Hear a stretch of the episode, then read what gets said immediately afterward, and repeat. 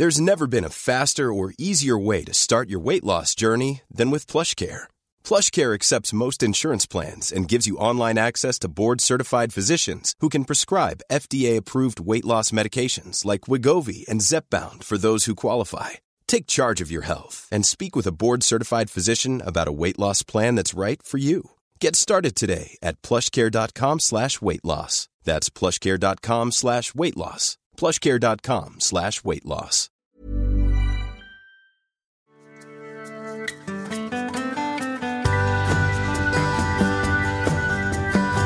Hallå vänner. Det är Björn Rudman som sticker i näsan. Växla två ord här med er. Och, eh, idag så ska vi prata om, eh, tänkte jag, ett ämne som, som inte lyfter så ofta för det är ska vi säga, lite komplicerat. Det, är, det handlar om vården nämligen. Och den alltså konventionella vården, primärvården om vi säger. Eh, där, där alla borde fått hjälp på något sätt. Om man inte har en akut problematik så, så borde man ha fått eh, hjälp inom primärvården. Tyvärr är det inte så här det ser ut idag. Och det är ett helt eget avsnitt. Så vi ska inte gå in mer på det. Eh, alla som har varit involverade med att söka hjälp för för någon form av stressrelaterad psykisk ohälsa har i regel fått vara med om hur det funkar. Och, och det finns väldigt mycket övrigt att önska där. Och eh, det handlar inte om de människorna som jobbar i, inom vården utan det handlar om politiska beslut under väldigt lång tid helt enkelt. Eh, galna eh, organisationer som är totalt överadministrerade och, och ja, det, det, går att prata hur mycket som helst om hur jävla illa det är. Men jag tänker så här. Jag ska ändå hjälpa er och eh, ska vi säga förstå vad man kan göra för att göra det så lätt som möjligt. Och, och vad man behöver göra, vilka ordningar man behöver göra saker och ting. Då. För att eh, när jag träffar patienter hos mig, då är det absolut vanligast är att, att man har varit inom, inom vården och inom, ska vi säga, snurren Ehm, eller kvarnen, hur man nu väljer att se det, ehm, att man har varit där länge och att det, det har inte funkat. Man har fått liksom sporadiska insatser, ehm, man har fått eh, sjukskrivning kanske, eller kanske inte. Och, och så småningom börjar Försäkringskassan pressa och, och då då har sjukvården svårt att stå emot för att det är ännu mer administration och, och människor, myndigheter som ifrågasätter deras beslut och så vidare. Så det finns en jättestor komplex problematik där. Um, och ibland är det så att patienter hos mig börjar hos mig och sen så upptäcker vi så småningom att ja, men vet du vad, vi behöver faktiskt ha sjukvården på detta också. Ehm, vi ska inte winga det här på egen hand nu. Och eh, det kommer inte att räcka med samtal. Utan vi kanske måste ha en stödmedicin, vi kanske måste ha behovsmedicin, vi kanske måste ha en, en, eh, ja, en, en, en, annan typ av behandling som, som absolut ska falla under sjukvårdsparaplyet. Då. Eh, med högkostnadsskydd och allt vad det innebär. Och eh, det innebär att det blir en del av min vardag också. Att jag behöver hjälpa patienter helt enkelt att komma in rätt, säga rätt saker, träffa rätt människor, höra av sig till rätt instanser, eh, göra saker i rätt ordning. Liksom. Och, eh, det är ju fruktansvärt jävla illa att det ska behövas någon form av guide och vägledare i det där. Det är klart att det ska funka ändå. Men tyvärr är det inte så idag. För i Sverige så måste man vara tillräckligt frisk för att orka bli sjuk, vara sjuk. Eh, och, det är hårt, men det är fakta liksom. Så jag tänker att vi ska kolla lite grann på det där. Eh, för alla er som, som sitter där ute och inte upplever att man får hjälp och, och sådär. Och det första jag skulle vilja säga är så här.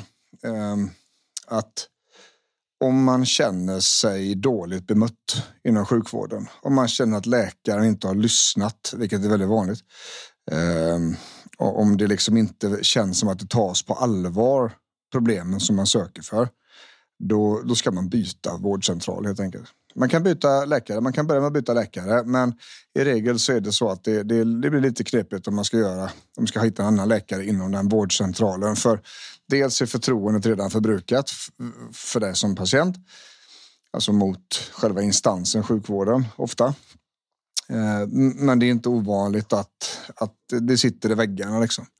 Ehm, och, och eh, även själva behandlingsinställningen kan ibland sitta i väggarna det, det, det, är komplicerat i bakgrunden där och det är inte ovanligt att jag springer på situationer där det låter som att Nej, men det är nog inte läkaren som har sagt att du inte ska vara sjukskriven utan det låter som att det här är press uppifrån.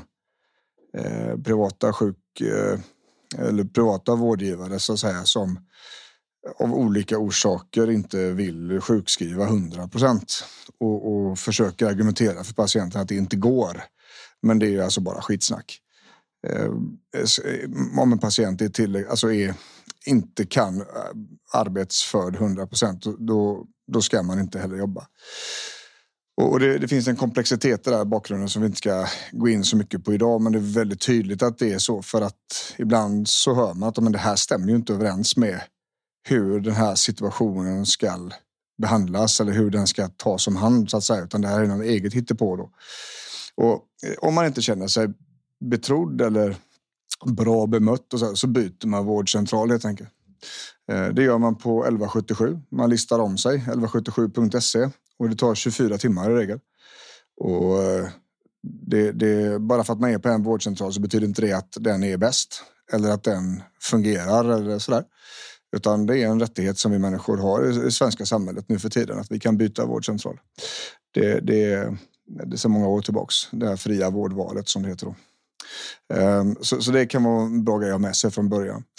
När det då är dags för möte, eh, första besök, för att söka för de här sakerna, kanske för söka för stressrelaterad ohälsa till exempel, som vi ändå pratar mycket om i, i podden här.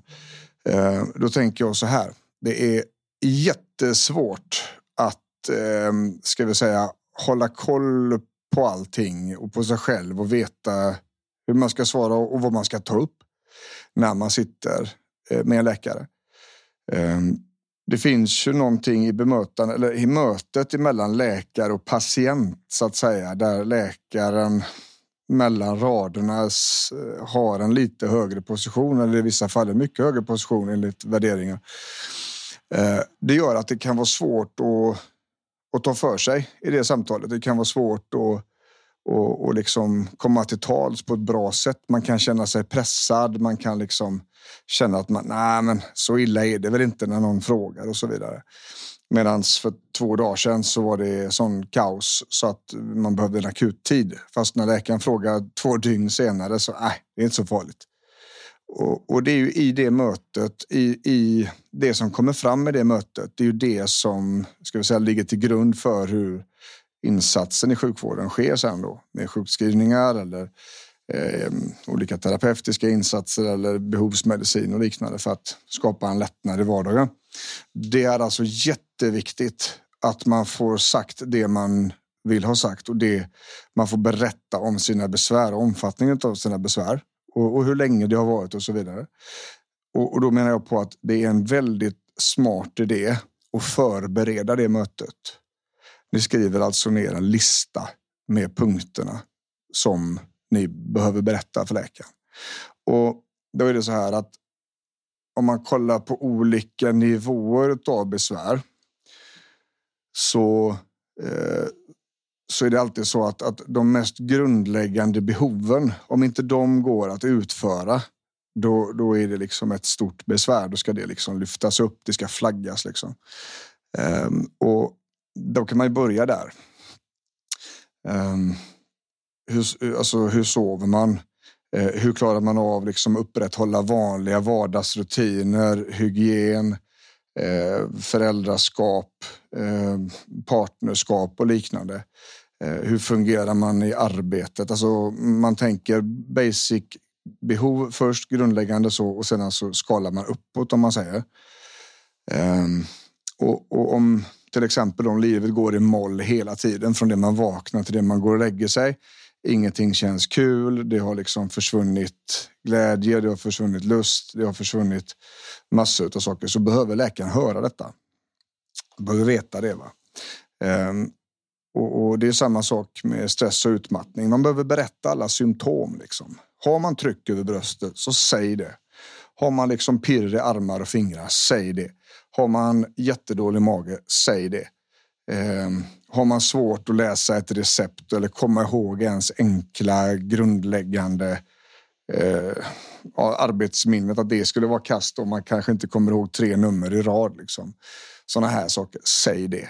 Förklara hela bilden. Förklara hur länge det har varit så här. Förklara när det blir sämre. Förklara under vilka omständigheter det kanske lättar lite grann. Eh, förklara hur känslorna är om detta på insidan. Är man ledsen? Är man arg? Liksom, vad är det som händer? Så, så i det perspektivet då, så är det väldigt vettigt att förbereda ett sånt möte. Man skriver helt enkelt en dagordning.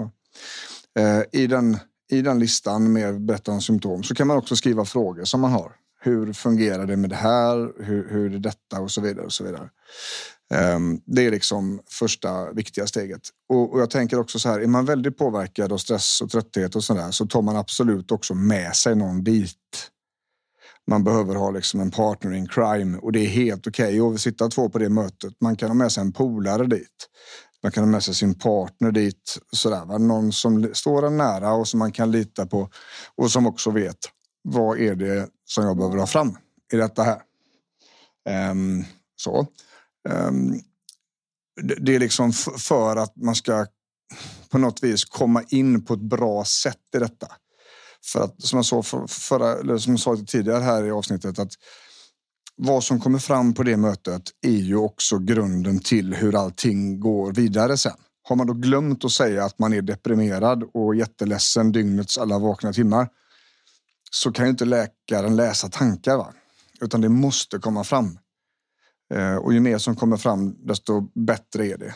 Ehm, och idag så, så har ju vårdcentralerna kan ju skanna in papper så man skulle kunna lämna in detta i receptionen sen så att det journalförs också. Så här var det när jag sökte första gången. Så att man kan kolla, okej, okay, men de här insatserna är gjorda och så vidare och så vidare. Ehm, så så är det. Eh, sen är det ju så här, eh, och nu kommer den riktigt jobbiga faktan då. Ehm, det är svårt att få hjälp inom primärvården idag. Det finns en våldsam brist på terapeuter. På, på liksom legitimerade, godkända ehm, eh, terapeutarbetare, om man säger. Vilket innebär att, att det är inte alls säkert man står först i kön där. Kan ta lång tid. Det är ju en av orsakerna till att sjukvården ofta försöker med medicin först för de vill ju att individen mår bra ganska snabbt eller i alla fall fungerar dugligt ganska snabbt. Då kan man inte stå åtta månader väntetid på en KBT-terapeut liksom. Utan då måste någonting hända på vägen. Det är därför som man ofta försöker med antidepressiva eller liknande. Då. Så sjukskrivning och tabletter, liksom, det, det är tyvärr så insatserna ser ut. Va? Och eh, Det finns jättemycket att göra själv. Det, så är det. Det finns massor av saker att ta tag i och, och reda ut och sådär. Mycket av det vi pratar i podden här går ju att använda liksom hela tiden. Eh, sådär. Eh, men, men eh, det finns ju också olika nivåer av dåligt mående där man har jättemycket ångest till exempel. Det ska man ju liksom inte är det mycket ångest hela tiden varje dag så är det ett stort symptom. Det ska man ha lindring för. Liksom. Det betyder inte att det kommer ta bort problemet men det gör det lite lättare att hantera och leva. Vilket gör att man kan komma in med terapi, man kan komma in med samtal. Man kan börja lära huvudet hur man tittar på ångestsituationerna för att se, se dem för vad de är, inte för hur de känns. Va? Ehm, så att det, det är knepigt, det är så. Eh, och i den bästa av världar så hade man ju kanske inte behövt någon som mig. Som, som sitter här och pratar i en podd eller skriver grejer på Instagram eller sitter med patienter dagarna ända som egentligen borde fått hjälp för länge sedan i sjukvården. Ehm, men tyvärr ser det inte ut så.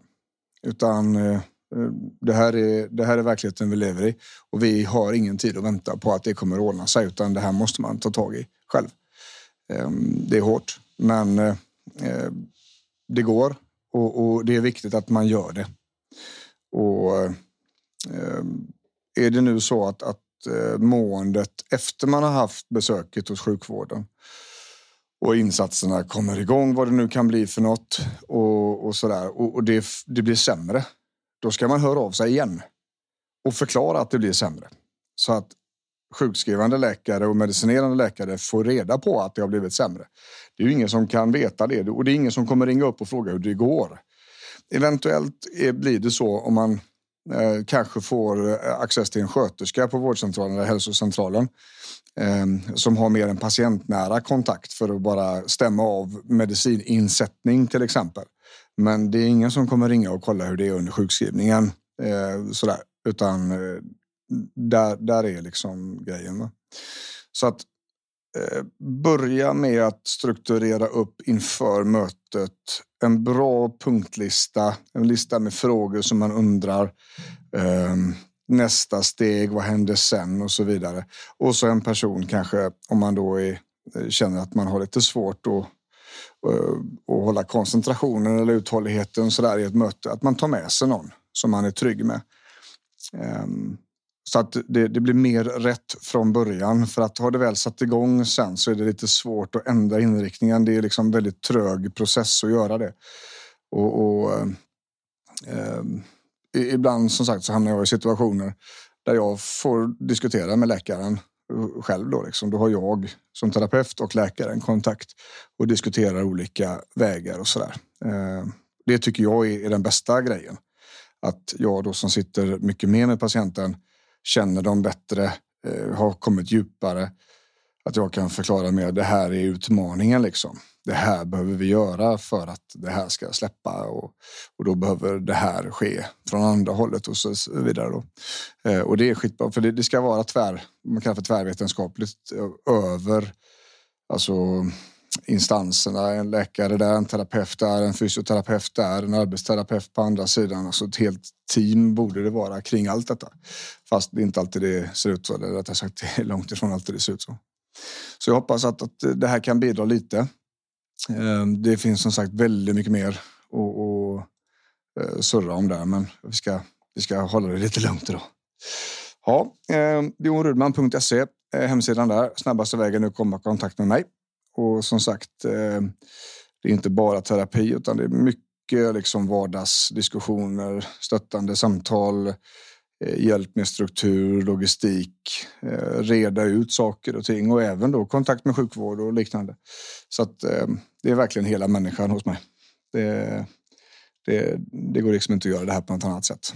Så att ja, jag hoppas att ni fått med någonting av dagens avsnitt och dela gärna det vidare till någon som ni tror kommer behöva det. Annars så hörs vi snart igen. Ha det gött. Hej!